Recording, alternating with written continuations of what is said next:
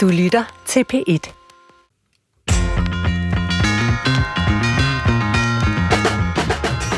Velkommen til Brinkmanns Brix. I dag er mikrofonen rettet mod Svend, der skal svare på så mange som muligt af lytterspørgsmålene, vi har fået i vores indbakke.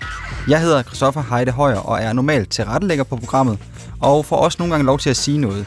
Men i dag skal jeg være lytternes repræsentant for alvor. Vi har nemlig forsømt at svare på en hel masse lyttermails, og det laver vi om på i dag.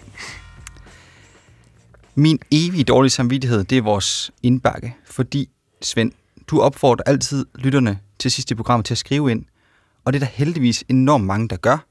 Der er rigtig mange af de mails, der er blevet til gode programmer i vores regi i Brinkmanns Brix, men der er også rigtig, rigtig, rigtig mange, vi ikke når. Mm. Øh, mhm. nogle gange når jeg ikke engang at læse dem, fordi der kommer så mange. Så øhm, hvorfor tror du egentlig, at der er så mange, der gerne vil høre din mening om det ene og det andet? Er det, sådan, er det psykologfaget, der klistrer til dig?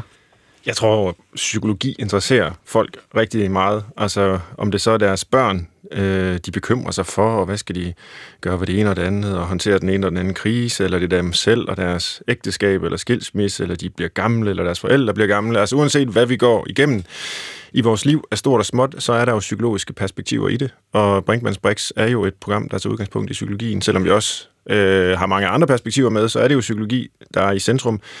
Så øh, på den måde er det vel ikke så underligt, at folk er interesseret i det ene og det andet. Jeg får mm. også mange mails, øh, vil jeg så sige, til min egen personlige e-mail, og, og dem, der forsøger jeg også at svare på så mange som muligt, men nu kan vi jo lade det her være en opfordring til lytterne om at bruge vores officielle e-mail mest ja, muligt. så kan vi gøre det igen, og i stedet ja. for at kalde det spørgejørn, så kan vi kalde det spørg Svend.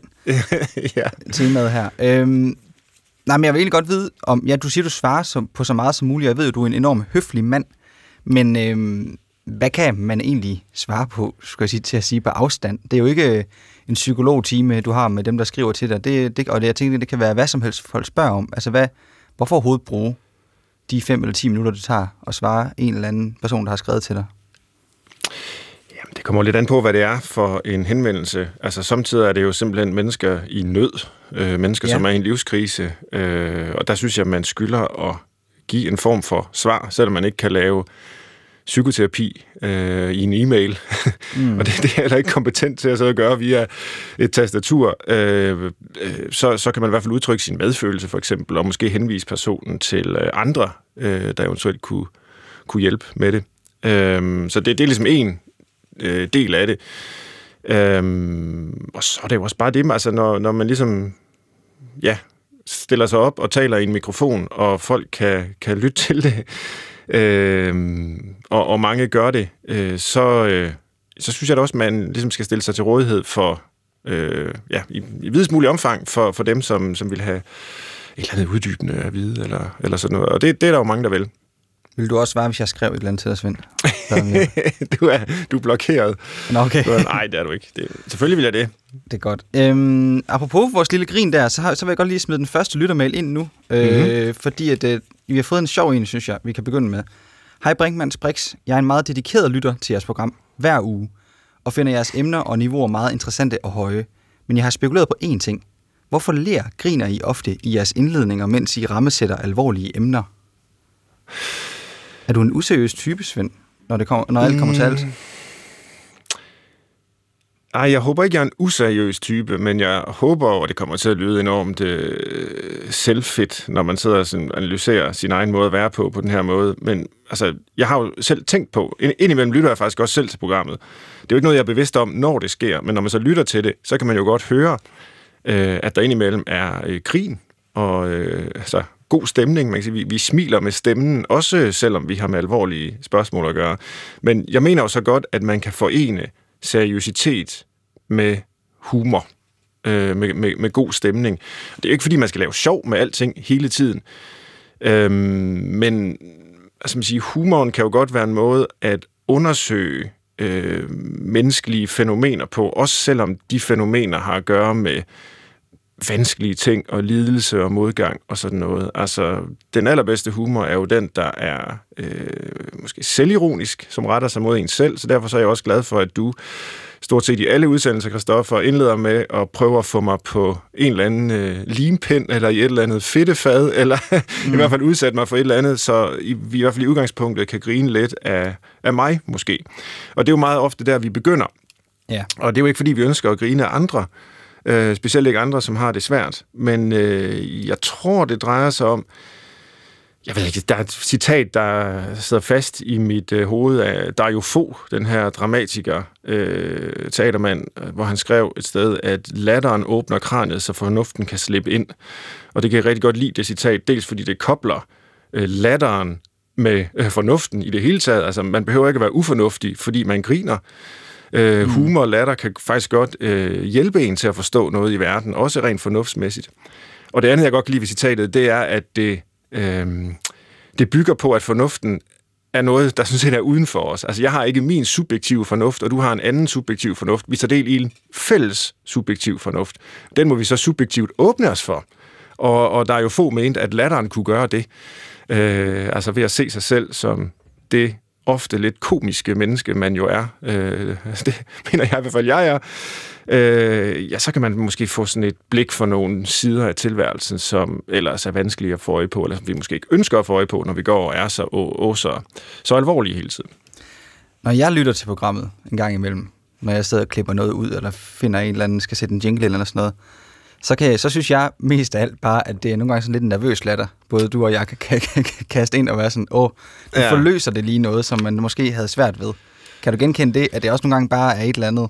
Altså, man behøver lige, lige, lige frem at citere dig jo få. Man kan også bare jo, være jo. lidt nervøs type. Jo, altså, ja, det kan også være, at jeg overintellektualiserer det i mit svar her, fordi altså, jeg tror, du har helt ret. Samtidig handler det også bare om, at vi, nu skal vi lige i gang, og vi er måske lidt nervøse, og vi har måske gæster med, som... Øh, som vi er lidt starstruck overfor. Eller der kan være mange ting. Det kan også bare være for, at vi griner måske lidt sammen for at vise gæsterne, at de kan slappe af. Fordi her der forsøger vi, øh, sådan set uanset hvad vi har fat i af emner, at have en behagelig atmosfære. Øh, man må gerne grine. Mm. Øh, man må sådan set også gerne græde. Det sker ikke så tit. Øh, men, men, men den slags er ikke farligt eller forbudt i vores program.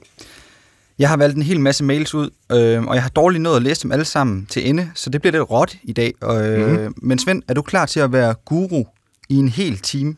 Nej, men lad os prøve alligevel. Velkommen til Brinkmanns Brix i en særlig udgave, hvor vi tømmer mailindbakken for spørgsmål. I kan stadigvæk og altid skrive til os på brinkmannsbrix Vi elsker at modtage forslag til programmer. Nu kigger vi på nogle af de meget konkrete spørgsmål, der måske ikke lige er til et helt program, men som alligevel er værd at have med. Svend, jeg hopper lige ud i det. Vi har fået en mail. Mm-hmm. Hej. Tak for et godt... Tager vi lige forfra. Hej. Tak for et godt program og alt det der. Jeg synes, det kunne være utrolig interessant at høre et program om selvet, egoet, eller hvad man nu skal kalde det. Hvorfor er vi forskellige? Det lette svar er måske vores erfaringer og minder, men disse er jo i høj grad en del af vores underbevidsthed. Jeg står selv over for en mulig udredning af noget ADHD-ADD. Derfor har jeg tænkt meget over, hvordan det er at være menneske – som jeg skriver det her, kan jeg godt se, at det er et stort spørgsmål til en meget kort podcast. Øhm, det, det er sådan, lytteren øh, slutter mailen. Øhm, ja. Og Svend, du har jo skrevet en bog, der hedder Hvad er et menneske? Så ja. du må kunne svare på det her. ja, altså, det er sådan lidt korte og frække svar, det, tror jeg, det er, at et menneske er sådan et væsen, der kan stille det her spørgsmål. Øh, altså de andre levende væsener, vi kender til på den her jord, de stiller ikke spørgsmål til deres egen eksistens. Øh, de er bare, hvad de er, om de så er hunde, katte eller kanariefugle. Men vi mennesker, vi interesserer os faktisk for, hvad vi er for nogen. Øh, vi interesserer os for dels, hvad, hvad jeg er selv som individ. Øh, det er måske det, øh, spørgeren eller lytteren her mener med selvet. Men vi interesserer jo os jo også for, hvad vi er i vores almenhed, altså som mennesker i det hele taget. Og øh, der den bog, du nævner, nu skal det ikke være nogen reklame for min bog, men altså den, den, den tematiserer det andet spørgsmål her. Altså den handler om, hvad det i det hele taget vil sige at være et menneske, og ikke hvad det vil sige specifikt at være Christoffer eller øh, Svend. Altså jeg mener, der er noget, der faktisk øh, gør os til mennesker. Det er ikke kun vores DNA, det er ikke kun noget biologi. Øh, det er også noget vedrørende den slags psykologi, vi har. Mm. Og det forsøger den bog så at, at give bud på. Men altså, så er der det der begreb om selvet. Altså der er vi er jo belastet af i psykologien, at vi har en lang række begreber, som bliver brugt i flæng, og som jo også har dagligdags øh, anvendelser og betydninger. Altså noget selvet, egoet, jeget, personen, personligheden, individet, osv. osv. Altså vi har rigtig mange af dem. Og øh, de betyder noget øh, forskelligt i, øh, i psykologien, altså blandt forskellige psykologer og psykologiske skoler. Og jeg hører så til dem, øh, bare lige for at svare helt konkret på lytteren, når, når mm. han mhm. spørger om, om selvet, der vil sige, at det er sådan set ikke, hvad angår selvet, at vi mennesker adskiller os.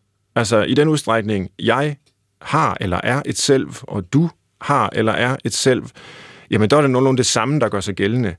Øh, der betyder det at være et selv bare, at man kan forholde sig til sig selv. Altså selvet er en slags øh, selvbevidsthed. Øhm, det, det er, ja, du må tilgive mig, men, men altså fra, det kommer sådan fra Kirkegård, øh, du må tilgive den her lidt sådan øh, lange redegørelse, hvor, hvor Søren Kirkegård, vores nationalfilosof, øh, vel siger, eller det gør han, at, øh, at selvet er et forhold, der forholder sig til sig selv. Øh, vi mennesker er ikke bare i et forhold til verden, sådan rent umiddelbart, det er øh, hunden og katten, de er bare i et forhold til verden. Men vi mennesker, vi kan forholde os til, hvordan vi forholder os til verden. Så der er sådan en, det kalder man med fint ord, refleksivitet. Øh, og, og det er det, Kierkegaard kalder selvet. Og det er også sådan, jeg bruger begrebet selvet. Og, og i og med, at jeg kan forholde mig til, hvordan jeg forholder mig til verden, og du kan forholde dig til, hvordan du forholder dig til verden, øh, så har vi begge to et selv. Mm. Der, hvor vi adskiller os, det er måske på personligheden. Ja. Øh, vi har forskellige personligheder, vi har forskellige træk, eller i større eller mindre grad. Vi har måske en forskellig begævelse. Du er bedre til badminton, end jeg er. Alle mulige øh, ting, hvor vi adskiller os. Øhm, men, men det bruger vi så nogle andre begreber om, end lige præcis selvet. Ja, fordi lytteren spørger, hvorfor er vi forskellige? Ja, netop. Og det synes jeg jo er det, altså det, det, det, er jo, det er et virkelig godt spørgsmål, mm. udover at det jo er åbenbart i og med, at vi er i forskellige kroppe, og vi har forskellige DNA, og vi er forskellige genetik osv. osv., osv. Men hvorfor er vores person her har så muligvis ADHD eller ADD, og skal, skal, skal forholde sig til det? Men mm. hvorfor er det, at vi, vi er, vi er øh, ja, forskellige? Ja, det er virkelig et, et stort og væsentligt spørgsmål, og rigtig meget psykologi handler lige præcis om det. Og, og svaret er jo, altså det kunne vi fylde en hel udsendelse med, fordi det handler jo om øh, den biologiske arv, om øh, genetik, det handler om øh, det øh, miljøet, før man overhovedet bliver født, hvor vi er udsat for øh, forskellige påvirkninger, og så selvfølgelig, når vi er født og kommer ind i verden, hvad det er for nogle relationer, vi har, hvad det er for et miljø, vi er en del af, øh, og, og hvordan alle de forskellige kræfter og faktorer virker sammen til at gøre os til lige præcis dem, vi er, og på et tidspunkt i vores liv, måske endda ret tidligt i virkeligheden, der er vi jo også selv i stand til at påvirke øh, måden, vi bliver til på. Øh, vi er medforfattere, kan man sige, til vores livs historie. Ikke ene forfattere, øh, men, men medforfattere. Der er mange andre, der er med til at skrive historien om os, øh, herunder ikke mindst vores øh, forældre, for eksempel vores lærere, opdrager, pædagoger, chefer, alle mulige. Øhm, og øh, altså, man kan jo stille spørgsmålet fra to forskellige vinkler. Man kan spørge, hvorfor er mennesker forskellige fra hinanden, og man kan spørge, hvorfor er mennesker ens. Fordi begge dele er jo rigtigt på en og samme tid. Vi er både ens, og vi er også forskellige. Og jeg har så i, øh, i mit eget arbejde været mest interesseret i, hvad det er, der gør os ens, altså hvad det er, der gør os øh, menneskelige. Og så er der kolleger, der arbejder med personlighedspsykologi, trækpsykologi, øh, adfærdsgenetik, alle sådan nogle spørgsmål og, og, og perspektiver i psykologien, der kan sige meget mere om, hvad det så er for nogle specifikke faktorer, der gør os forskellige. Ja, Måske er der en overgang her til det næste mm. spørgsmål, fordi det, det, jeg tænker, der er jo interessant, det er jo så, hvad det er, øh, eller hvorfor du er interesseret i det her med, hvad der er ens, gør os ens. Ja. Hej Svend, jeg vil foreslå et program, der handler om middelmodigheden, og den mere eller mindre grå, jævne superdags, som hovedparten af danskerne befinder sig i. Han er langt, kommet til det rigtige sted. Langt det meste af tiden. Hvorfor skaber man mening i en fuldstændig normal hverdag? Hvad får os til at stå op hver dag til den samme leverpostejsfarvede tilværelse med meget få og små udsving på alle målbare parametre? Og hvor de fleste af os er sådan nogenlunde i midten af feltet, men sjældent eller aldrig forrest, eller ej heller helt bagerst. altså, det, middelmodigheden, eller det er måske bare det ens, det der alligevel bare er det, det samme for de fleste. Ja. Hvordan finder man mening i det, eller hvorfor gør så mange det? Jamen, der er jo en klar kobling til det, vi talte om før. Øh, der kaldte jeg det for det, det almene, eller man kan sige det fællesmenneskelige, som er det, der interesserer mig. Det kan man jo så godt udlægge, øh, måske en lille smule, øh, det ved jeg ikke, håndeligt eller nedladende at kalde det middelmådige. Men altså noget er jo ikke øh, middelmådigt i negativ forstand, selvom det er almindeligt, selvom det er gennemsnitligt. Altså langt de fleste mennesker er jo nogenlunde gennemsnitlige. Ja. Det er jo klart, det er derfor, vi lægger mærke til dem. Der er noget, noget helt særligt, enten i den ene eller den anden retning. Og øhm, ja, nu handler vores program her jo også tit om samfundsforandringer, og hvordan det spiller ind på, hvordan vi lever, og hvad der har betydning for os i vores liv.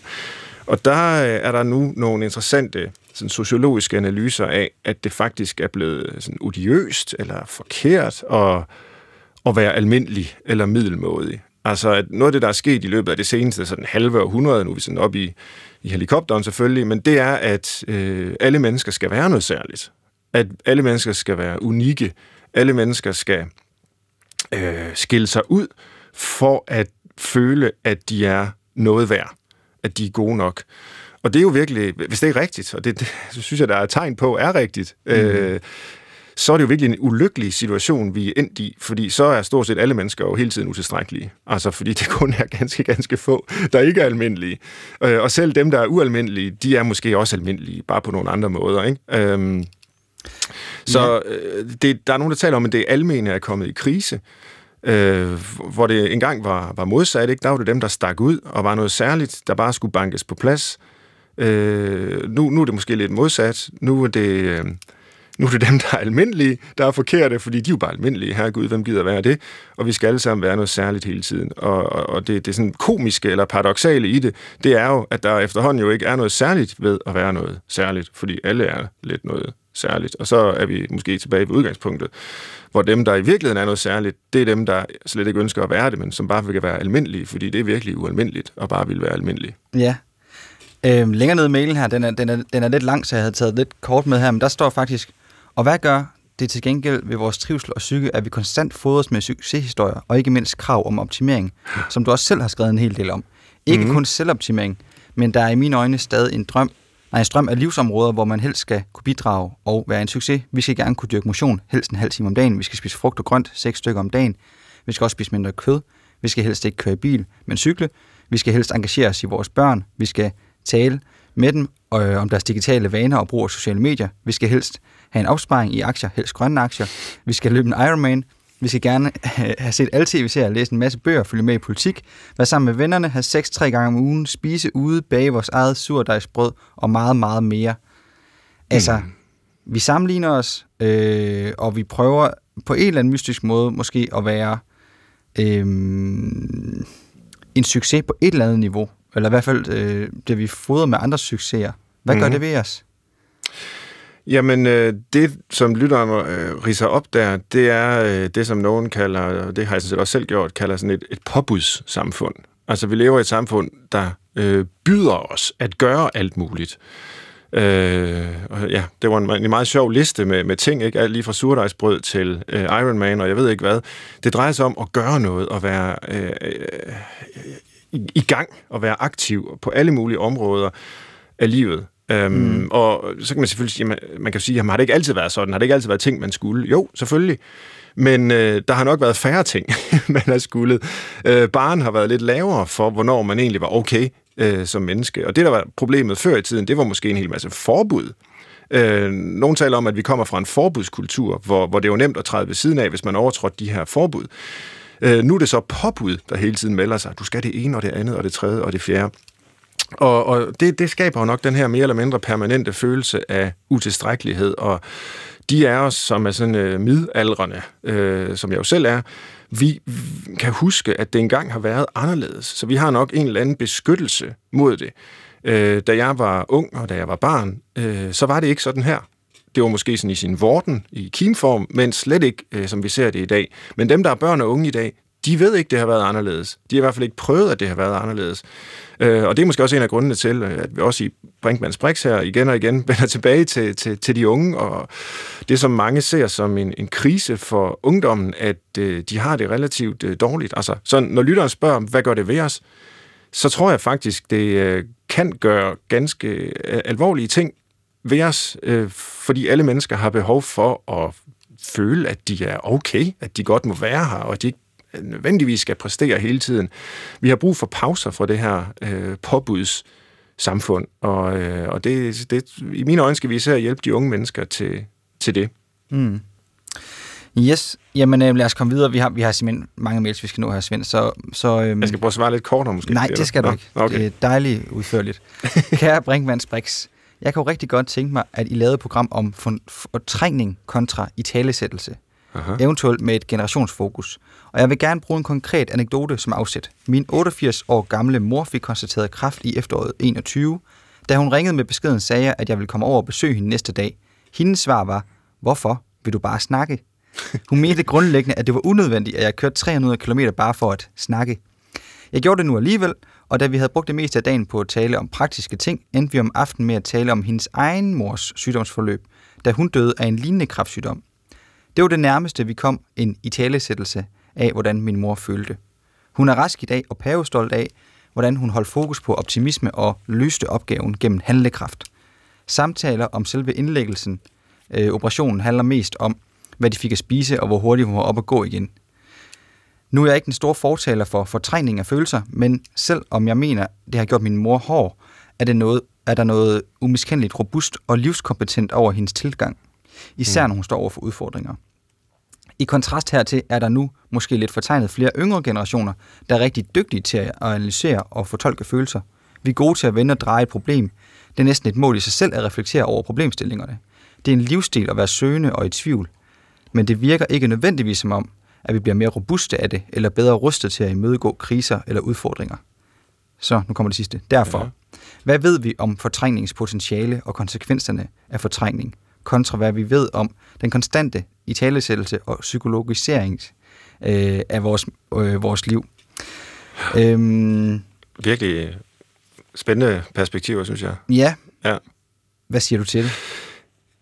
Det er svært at svare enkelt på, fordi vi ved mange forskellige ting, og de peger desværre ikke i samme retning. Øh, altså, øh, og jeg tror, hvis jeg skal prøve at sige noget øh, sådan nuanceret om det, så må det jo nok være, at vi må erkende, at vi mennesker er forskellige. Altså, og, øh, det nogen... er et kedeligt svar. det har vi været inde på før også.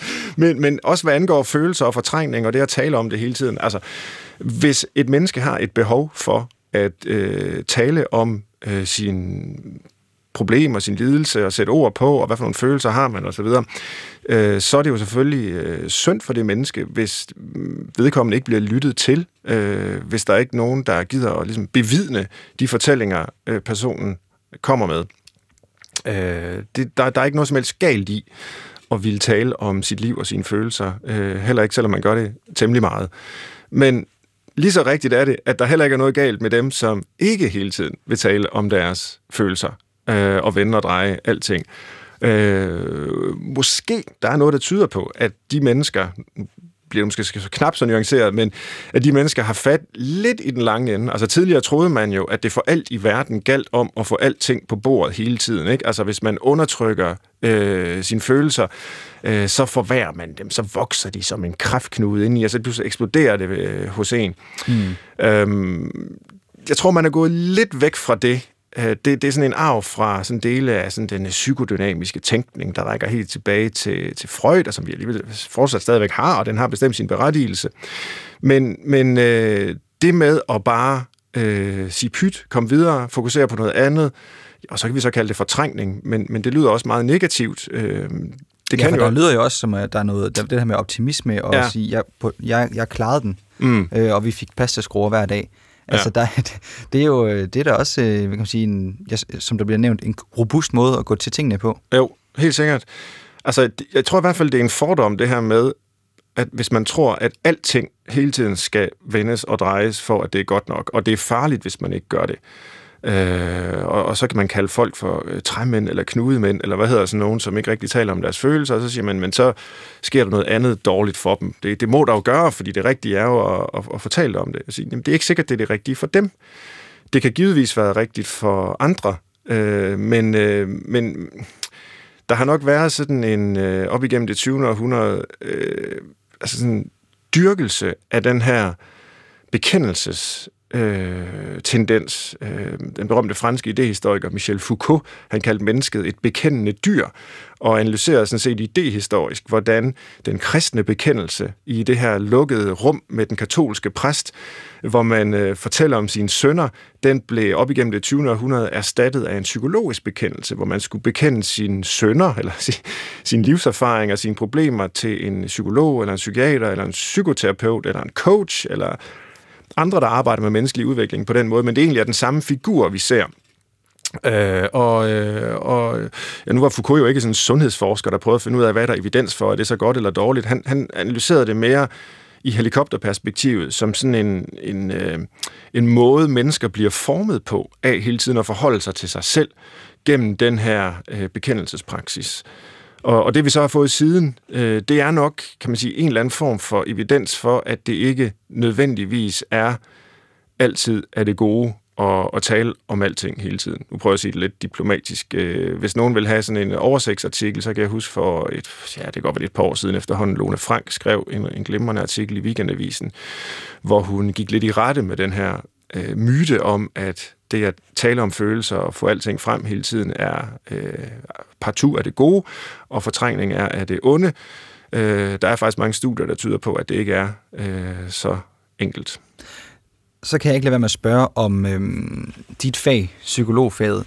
Øh, det står jo midt i det, i det kan man sige, øh, den ene og den anden vej. Altså, ja. gå til en psykolog, og i går så en bekendt dig. Gå til en psykolog og forvent din fortid, øh, eller din nutid, eller dine problemer. Øhm, er det er der for mange, der gør det nu, kan, man, kan, kan jeg spørge? Fordi du, det lyder som om, du siger, at der egentlig ikke er...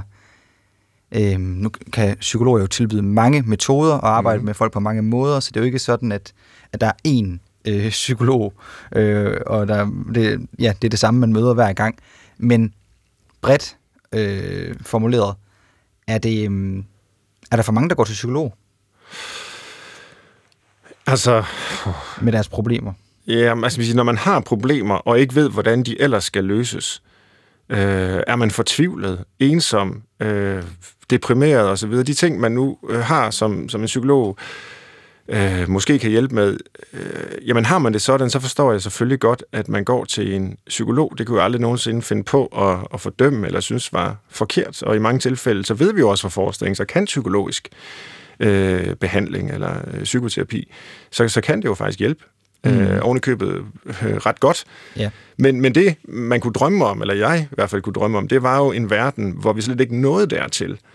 Øh, en verden, hvor folk ikke var så ensomme, øh, men hvor der var i højere grad rummelige fællesskaber, hvor man kunne få øh, forordnet de her ting, øh, hvor der var relationer, man kunne blive grebet af. Nu ved jeg godt, nu, nu er jeg sådan lidt... Øh, øh, utopisk og, og, og drømmende her. Det ikke? er spørg Svend ja. og alt hvad du siger, det er jo også, også for egen regning selvfølgelig. det er jo det, og jeg vil også sige til lytter, det er fuldstændig uforberedt. Jeg aner jo ikke, hvad du vil spørge mig om, Kristoffer, og det er altså virkelig rigtigt. Øh, så øh, det, det håber jeg øh, også er med i lytterens baghoved. Jeg, mm. jeg, jeg svarer lige øh, spontant her. Ja. Øhm, og, men, men ja, Øh, så i den forstand er der jo for mange, der går til psykolog, fordi det er, synes jeg, er utrolig ærgerligt, at vi har skabt en verden, hvor det til synligheden er nødvendigt. Altså, øh, men øh, ja, det er selvfølgelig godt for professionen, at der er kunder i butikken, men jeg tror, at langt de fleste psykologer vil ønske, at, øh, at det ikke var så nødvendigt at gå til psykolog. Ja. Jeg tænker faktisk, at øh, endnu en gang, vi har en overgang til det næste lytterspørgsmål, jeg sad lige og kiggede frem her. Øhm, så vi hopper lige ud i, i endnu en. Øhm, både min kæreste og jeg har gang i terapi for tiden, og har måttet sande, at vores barndomme ikke var helt så gode, som vi huskede dem. Vi føler begge, at vores barndomme har været rimelig normale, og ikke præget af for eksempel tung psykisk sygdom, som i Peter Øvigs tilfælde. Mm. Det var Peter Øvig, forfatteren, der var inde og fortalte om en mor, der var... Øh, hans mor var præget af depressioner gennem hele hans barndom, og det har præget ham meget. Alligevel døjer vi med psykiske udfordringer, som ser ud til at have mange rødder i vores barndom. Så jeg kunne rigtig godt tænke mig at høre, hvorfor skal vi konfrontere de her ting, før vi kan komme videre? Kunne vi ikke bare beslutte os for ikke at hænge os i fortiden, og så gøre tingene anderledes? Og hvornår er en barndom faktisk ikke længere good enough, men noget, som sætter min? Hmm. Ja. Altså på en måde, så, så er vi jo vores fortid. Altså vi møder jo altid øh, nutiden. Lige nu sidder vi og taler sammen ud fra vores fortid. Altså det er vores fortid sammen. Vi kender hinanden og trækker på måder, vi plejer at være sammen på, men du og jeg har også hver vores øh, biografi, hvor vi er præget af ja, alle mulige forældre, lærere osv. osv. Ikke? Mm. Øh, så det her med at komme fri af sin fortid, det tror jeg også er sådan en psykologisk metafor, eller en sådan tankefigur, som er, er blevet skabt, og som måske giver os falske forhåbninger, og måske er det ikke engang værd at håbe på. Måske er det i højere grad en ambition at kunne leve med sin fortid, forsone sig med sin fortid, frem for at gøre sig fri af den. Det tror jeg er utrolig svært, hvis ikke umuligt. Altså, så skal man måske nærmest blive en anden, end den man er. I hvert fald ud fra mit perspektiv, som jo altså er det her, at jamen, vi er vores fortid, og den er jo heller ikke engang øh, forbi. Altså, den er her jo lige nu. Øh, den sætter sig igennem i, i måden, vi, vi er på hele tiden. Øh, ja, det skal jo ikke lyde for, for mystisk, altså, men øh, vi har jo sådan et fremtidsrettet samfund, og vi har en fremtidsrettet øh, psykologi i høj grad, øh, som øh, vil hjælpe folk videre hele tiden. Og det forstår jeg godt, og det er også øh, et ædelt formål, men øh, måske skal man ikke altid videre i betydningen væk fra noget, altså kotte noget, og så øh, starte forfra et andet sted. Måske skal man videre med noget, for nu ja. at sige det på den måde. Altså, vi, vi, nu, specifikt sorg ved jeg noget om, for det har vi, vi forsket i den forskningsgruppe, jeg har været en del af i nogle år.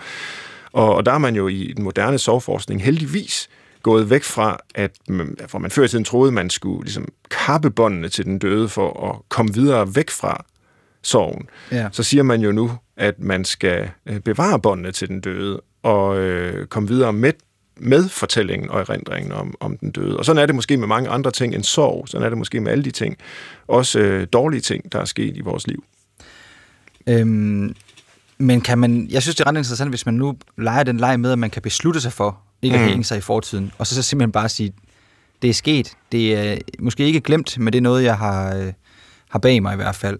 Altså, øh, vi havde jo også øh, det her program Tænk Mindre, hvor, ja. at, øh, hvor vi satte fokus på det her med at, at prøve at slippe bekymringerne, og simpelthen og så sige, øh, brug tiden. Man kan godt massere sin hjerne i gås øjne til at, og, og ikke at bruge så meget kraft og energi på det, der måske ikke ligefrem øh, er så behageligt. Mm. Altså, er du, er du ved at være over i den fløj øh, i øjne, at man godt kan øh, beslutte sig for at komme videre? Ja, altså, jeg, jeg tror, jeg hører til dem generelt, der har lavere mindre tiltro til vores evne til at beslutte os for ting, og så sker det. end, end så mange andre. Altså, ja, vi kan godt sætte os ned og beslutte os. Det gør vi hver øh, år den 1. januar, så beslutter vi os for, at i år skal det være anderledes. Øh, nu vil jeg begynde at løbe, nu vil jeg begynde at tabe mig, nu vil jeg begynde at lægge min øh, telefon væk og ikke være på Facebook. Alle mulige ting. Og så mm. er vi det jo en uge eller to senere øh, alligevel.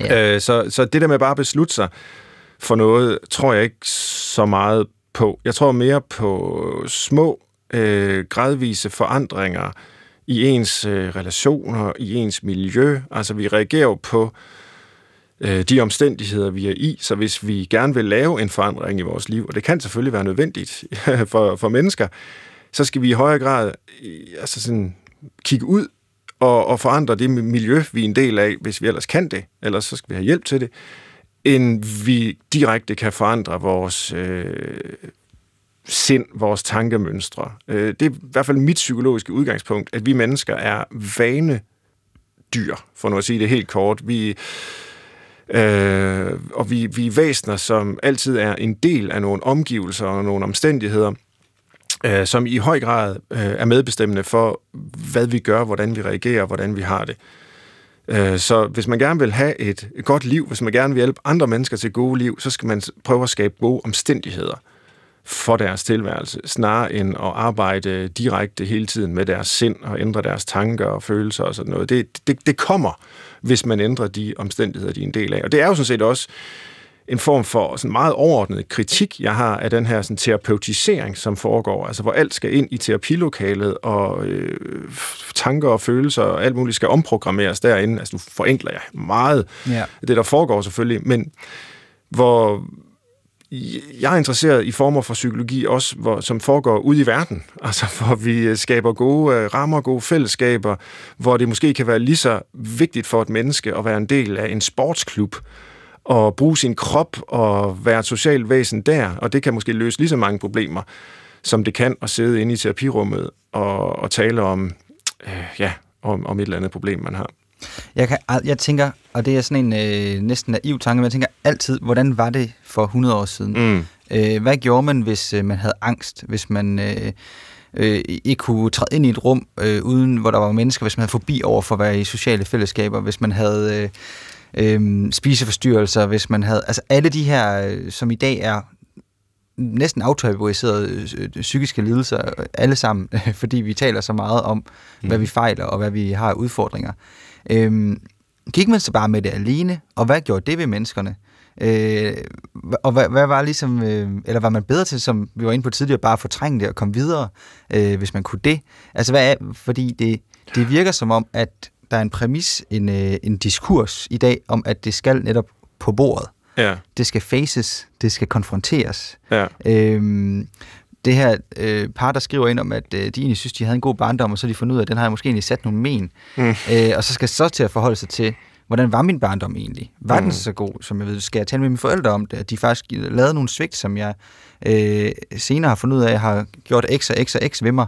Øh, ja, jeg ved ikke, om der kan også et spørgsmål. Det er i hvert fald bare nogle tanker omkring det her. Jo, jo. Med, hvordan var det, før vi var så psykologiseret?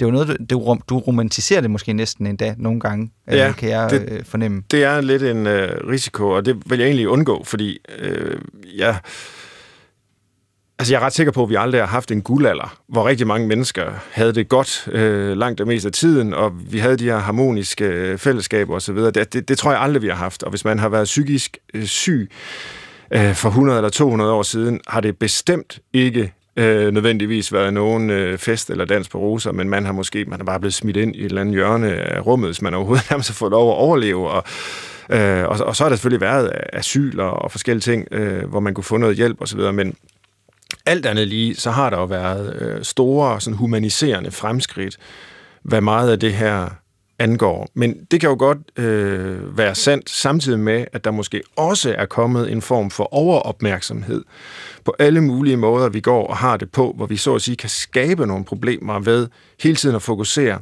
øh, på dem. Men det er utrolig svært at udrede, øh, hvad der egentlig er sket historisk her, fordi vi jo ikke, i dag har vi jo øh, diagnosesystemerne med symptomchecklister osv., men de udvikler sig jo hele tiden, så vi kan jo ikke sådan retrospektivt anvende det på, hvordan det var for 100, mm. 200 eller 300 år siden, så det bliver også nogle gange lidt gætværk. Men det vi så kan gøre i stedet for, som nogle forskere gør, det er at arbejde med sådan noget tværkulturel psykiatri, for eksempel. Altså se på, øh, hvordan samfund og kultur, der er meget anderledes end vores, øh, hvordan folk har det der. Mm. Og øh, hvis vi skal begynde der lidt anekdotisk, så kan jeg huske for nogle år siden, jeg var over og holde et øh, oplæg. Jeg tror faktisk, det var fra Psykiatrifonden, og der var sådan mange folk fra øh, forskellige dele af psykiatrien, og, og der var en, en psykiater, som sagde, at hun arbejdede nu i Danmark med at lave sådan nogle udredninger og finde ud af, om folk havde... Øh, hvad, hvad folk havde brug for, om de måske skulle have bostøtte, om de skulle have pensioner, eller hvad pokker, ikke? Og, og hun kunne godt se, at der var mange mennesker, der havde det svært i Danmark, og mange havde, du nævnte det selv lige før, altså en social angst eller social fobi, havde svært ved at fungere i øh, sociale sammenhænge. Og øh, så nævnte hun bare for mig, at øh, hun også tidligere havde arbejdet i Afrika, i et afrikansk land, øh, og der var der ingen, der havde social fobi, der hvor hun havde været. Nej. Fordi altså, vandet skulle man hente i, i brønden, og for at komme ned til brønden, så skulle man øh, gå helt igennem landsbyen, ikke? og der var en hel masse mennesker altid ude på at kigge på en, og, og så videre. Øh, så det fandtes bare ikke, fordi det var ikke en mulighed at have social forbi der. Nu kan det være, at, at hun øh, romantiserer noget, og, og, og så videre. Det, det, det skal jeg ikke gøre redde for, men det er jo selvfølgelig bare en anekdote, men den, man, man ser den samme analyse faktisk i en hel del af den her tværkulturelle psykiatri, og så kan det være, at de har nogle andre problemer øh, i andre ja, dele af verden, men, men, men ens måde at have det svært på ja. som menneske er altså i høj grad formet af de kulturelle betingelser, man lever under. Øh, der er nok nogle øh, ting, som ligesom er universelle. Øh, eksempelvis det, vi kalder øh, skizofreni, øh, som, som findes med nogenlunde samme udbredelse stort set overalt i verden. Det er så ret forskelligt, hvordan man øh, rummer det, reagerer på det. Øh, klichéen er jo lidt, at nogle steder bliver man shaman, ikke? hvis man øh, har hallucinationer og sådan noget, ikke? og i andre øh, dele af verden bliver man øh, lukket inde og, og bliver anset for farlig og sådan noget. Altså, så måden vi øh, håndterer det på er forskellig, men, men det er nok eksempel på nogle... Øh, på en tilstand, som er relativt lige udbredt. Og så er der nogle andre øh, lidelsesformer, som øh, går op og ned, og i nogle kulturer findes de måske slet ikke. Det kunne være social angst, det kunne være spiseforstyrrelser, øh, måske endda også depression, er der nogen, der siger. Mm. Øh, og og det, det synes jeg var virkelig spændende, og også altså, rigtig svært at forske i. Øh, det her med, om altså, hvad, hvad der er af kulturelle og historiske komponenter i de, øh, i de psykiske lidelser, vi har. Nu tager vi en jingle.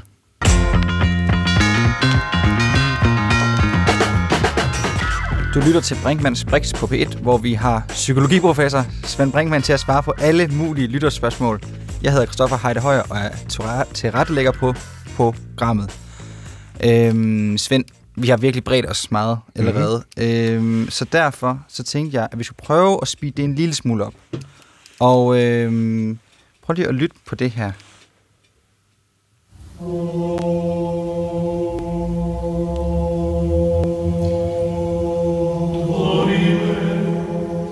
Kære Svend Brinkmann, hjælp. Jeg kan ikke udstå korsang. Værst er pige, drenge og kvindekor. Jeg føler fysisk ubehag derved, men jeg er glad for Carmina Burana og gregorianske munkekor. Det er det, jeg så lige har sat på her. Ja. Øhm, og jeg skal lige ned, mens jeg læser resten af mailen op. Jeg betragter min musiksmag, musiksmag som nogenlunde bred. Klassisk musik, inklusive opera, rock, arabisk musik, traditionel jazz. Lytter gerne til Beatles, Elvis, Bob Dylan, Steffen Brandt, Kim Larsen, Amy Winehouse osv. osv., osv. Øhm, musik bruges professionelt i terapeutisk øje med, altså som noget helsebringende. Er det overhovedet undersøgt, om musik kan have den modsatte effekt? kan ikke tro, det er bare en særhed ved mig, der må være lidelsesfælder derude. Og vi kan selvfølgelig spørge alle p om det var lidelsesfuldt at høre gregoriansk munkekor her. Nej, det kan jeg umuligt forestille mig, det kan være. Nej, men øh, kan du forstå lytterens øh, undren, vil jeg kalde det? altså, det er jo faktisk et rigtig sjovt, og men også relevant spørgsmål, især hvis man generaliserer det en lille smule. Fordi vi har det jo med at tro i psykologien, at når vi tilbyder en psykologisk behandling eller noget, der ligner, det kan være alt lige fra almindelig psykoterapi til ja, altså musikterapi. Øh, jeg har masser masse gode kolleger på Aalborg Universitet, der arbejder med musik øh, som en del af også sådan psykiatrisk behandlinger, øh, og, og, og kan måle, at der er en, øh, en, en gavnlig effekt af det, og alle mulige andre ting, vi gør, så glemmer vi nogle gange, at der måske også er nogle negative effekter af alt sådan noget. Øh, det kan vi nærmest ikke forestille os, der kan være. Altså bivirkninger, negative effekter, alt det, det er noget, der hører medicinen til. Det er, når mm. man er inde og pille ved menneskets hjerne og krop og transmitterstoffer og sådan noget. Det kan da ikke være det, vi gør, fordi vi er jo rigtige mennesker, der kan synge og relatere os og være empatiske og sådan noget. Men, men nu, nu, nu kommer der faktisk øh, flere og flere studier, der kigger lidt på bivirkningerne ved mange af de her ting, og, og, og finder nogen. Og det, det synes jeg bare er godt og interessant, og at vi har den her selvkritiske øh, forholden os nu til vores eget fag. Og lige præcis hvad korsang angår, der, der, der ved jeg det ikke, øh, om, om det er undersøgt. Jeg kom til at tænke på, da du læste op og spillede musikken der, øh, så er musik jo blevet anvendt blandt andet til tortur øh, også på Guantanamo og sådan noget, ja, hvor, jo, ja. var, var det Metallica eller et eller andet band, der lagde sag an mod den amerikanske regering eller militær, fordi de spillede øh, noget af deres musik øh, for, for fangerne der, ikke? og det, det kan jo være, ja, det, det kan jo være tortur nærmest. Så ja. selvfølgelig kan musik også være ubehagelig at lytte til, men lige præcis korsang, altså så, så skulle det være sådan et overload efter øh, coronanedlukning og Philip Faber og sådan noget, der, der ligesom sætter ind. Øhm, ja. men, men det er også voldsomt, ikke? Jo. Nej, men øhm, lad os gå hastigt videre. Meget kort her. Hvad er mental sundhed, som nævnes mere og mere i medierne? Det synes, og jeg grund til, at jeg lige har taget den med, det er fordi, at øh, vi taler så uendelig meget i vores program om mental, øh, mentale udfordringer ja. og psykiske lidelser osv. Men hvad er egentlig den sunde version? Det er faktisk rigtig svært at definere. Øhm, fordi det at være sund, hvad enten det er fysisk eller psykisk, det er jo noget andet end at være rask. I gamle dage, der talte både læger og, og psykologer øh, måske mere om at være rask. Mm-hmm. Øh, og det, det vil sige, at man ikke har symptomer på sygdom. Øh, og så, så begyndte man øh, ja, fra sådan midten af det 20. århundrede at få sådan en, der man jo kalder sundhedsdiskurs. Ikke? Altså man taler om sundhed i stedet for bare det at være rask. Og WHO definerede tilbage i 48 øh, sundhed som øh, en, en fuldkommen fysisk, øh, mental og social velvære. Mm-hmm. Hvilket jo netop handler om, at det at være sund er noget andet end ikke at være syg.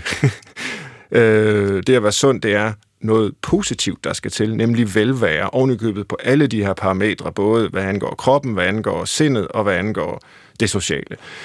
Men der er så en øh, problematik indbygget i, at man definerer sundhed på den måde, og det er jo sådan set, at vi dybest set alle sammen er usunde. Altså at vi alle sammen er utilstrækkelige i forhold til sådan en definition på øh, sundhed. Så derfor så varer jeg mig lidt for, eller holder mig lidt tilbage for at, at, at, at definere sundhed øh, positivt. Øh, og det, for man kommer nemlig i en situation, hvor ingen sådan set rigtigt kan siges at være sunde. Altså, jeg sidder for eksempel ned lige nu. Det gør du jo også, Kristoffer. Øh, det, det, det, det, det, det vil jeg godt lige have lov til at sige, at det er jo dig, der altid siger, at man sidder ned i Brinkmanns Brix. Ja, det, man næsten ned alle, i en Næsten alle ligger. radioprogrammer står man op, ja. bare sige, fordi så, kan man, så bliver stemmen bedre. Det men det vil være dit dumt påbud. at stå øh, på en brix, ikke? Altså, men, men, men mere bare for at sige, det handler så mere om den fysiske sundhed, men det, at vi sidder ned nu, er jo for eksempel usundt. Mm. Altså, vi gør lige nu noget, der er usundt. Og, og der har den her sundhedsdiskurs, som jeg kaldte den før, har netop givet os sådan en nærmest konstant opmærksomhed på vores øh, kalorieindtag, hvor mange skridt vi går, hvor meget vi sidder ned, øh, alle mulige sådan, øh, faktorer, der kan komme ind i, i sundhedsregnskabet. Mm. Og det, det, altså, så det er også derfor, jeg, jeg måske tøver lidt med at sige, hvad er så mental sundhed? Øh, må, måske er det mentalt sunde menneske et, nu jeg, tager en, jeg burde tage en masse forhold, forbehold, men nu, nu, nu siger jeg det så alligevel. Måske er det mentalt sunde menneske et, der ikke rigtig går hele tiden og bekymrer sig om sin egen mentale sundhed. altså, det, jamen, det kan hurtigt blive usundt at hele tiden gå og tænke på, er jeg nu mentalt sund? Eller altså, er mine børn mentalt sunde? Er, altså, mm. øh, det er lidt en tråd tilbage til det, vi var inde på før, om man, kan man overtænke den her slags? Og ja, det kan man godt. Ja. Og det, jeg tror, sundhedsdiskursen er med til at øh, altså bidrage til, at vi overtænker, om vi er sunde nok. Men der er jo trods alt forholdsvis objektive kriterier til, hvad og nu kan vi i hvad kan man sige, fysikkens verden, der hedder det BMI eller mm. noget andet, og inden for psykologien, der kan du hurtigt tage en test og så se, om du falder ind for normalområdet af det ene eller det andet. Øhm, så der er jo på den vis en måde at opgøre det på, som er sådan rimelig meget til at, til at føle på.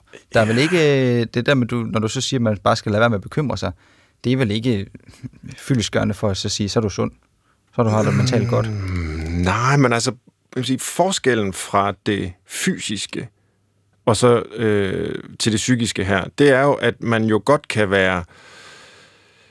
Altså, man kan godt have en sygdom fysisk, uden man har opdaget det, og man kan gå til lægen, og så kan man blive scannet, og lægen kan sige, ups, der er en tumor, der er virkelig noget galt, lad os skynde os og sætte noget i værk, eller øh, der kan være sådan alle mulige ting, ikke?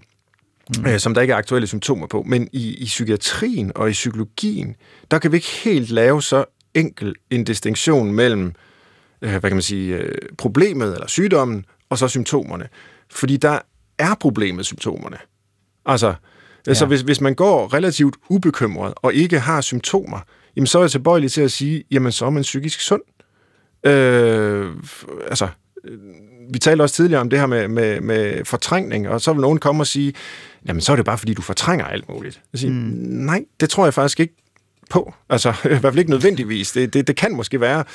Men som udgangspunkt, øh, så synes jeg, man skal ja, passe på med ikke at, at digte en hel masse problemer frem, hvis man går øh, og har det relativt godt i sit liv. Altså, må ikke det er, hvad, hvad vi kan håbe på i vores tilværelse, at vi, at vi har det godt øh, og så skrue lidt ned for bekymringerne, der, der handler om, hvorvidt vi er, er sunde nok. Men når det er sagt, så skal der selvfølgelig også tilføjes, at... Øh, at man jo godt kan presse sig selv for meget, man kan glemme og være opmærksom på, om man øh, sover nok, og øh, tager man for mange opgaver ind, er man alt for stresset osv. Altså det er klart, det benægter jeg jo ikke, at der kan bygge sig en, en stresstilstand op i, i kroppen og, og sindet, øh, som man enten bare ignorerer, eller øh, nærmest overhovedet ikke får øje på, fordi man måske bare har for travlt med alt muligt. Og, og det er jo selvfølgelig ikke øh, det er jo selvfølgelig ikke sundt. Altså, der, der burde man jo nok bekymre sig øh, om, om ja. sin tilstand og prøve at gøre noget ved det. Vi, jeg tror lige, vi kan nå et, en til, som jeg har, har forelsket mig lidt i, lidt i her. Hej Svend.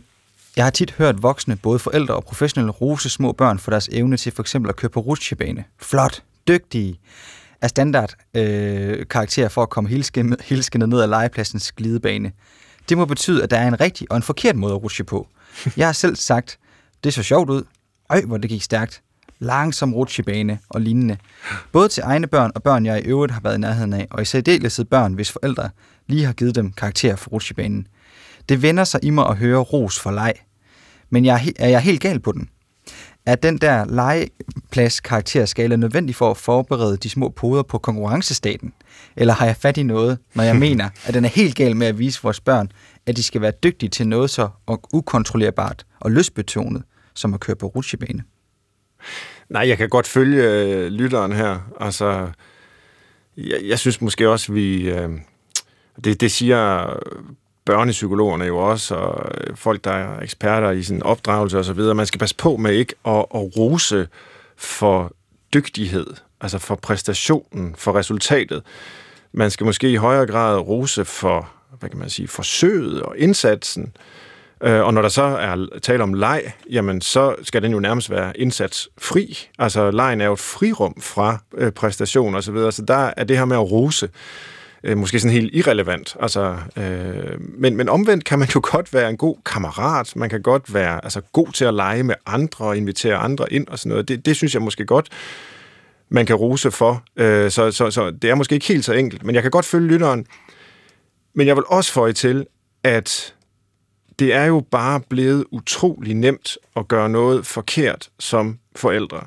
Øh, man vil gerne være en god øh, far eller mor, man vil gerne rose sine børn for at give dem noget øh, selvtillid og selvværd, det får man at vide, altså vigtigt af, af psykologerne.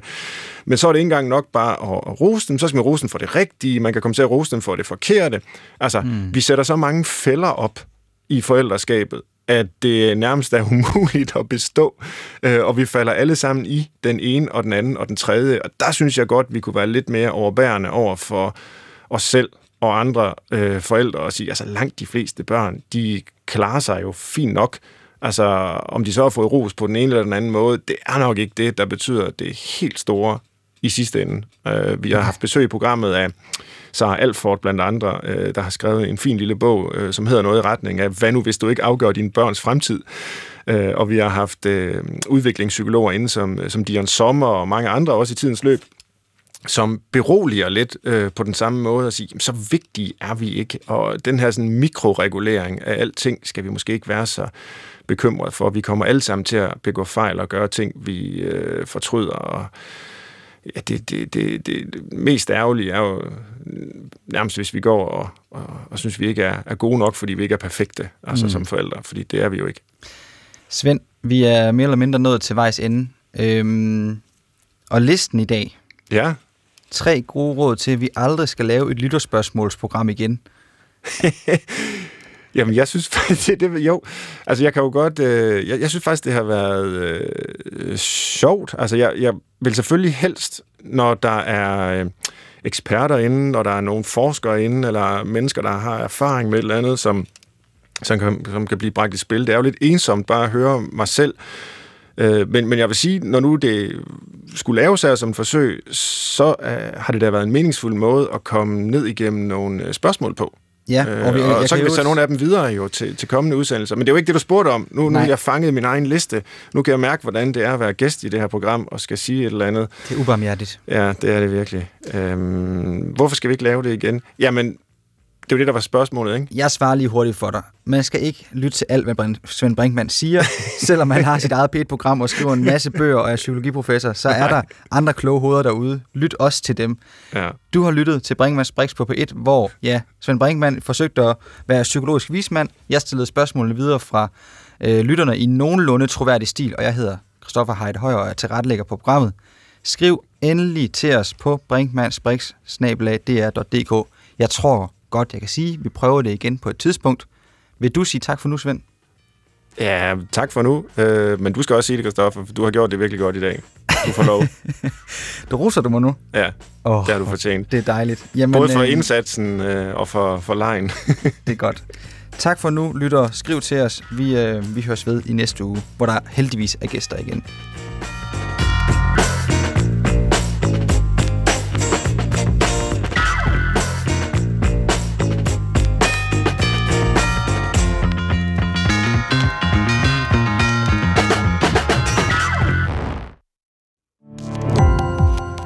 Gå på opdagelse i alle DR's podcast og radioprogrammer. I appen DR Lyd.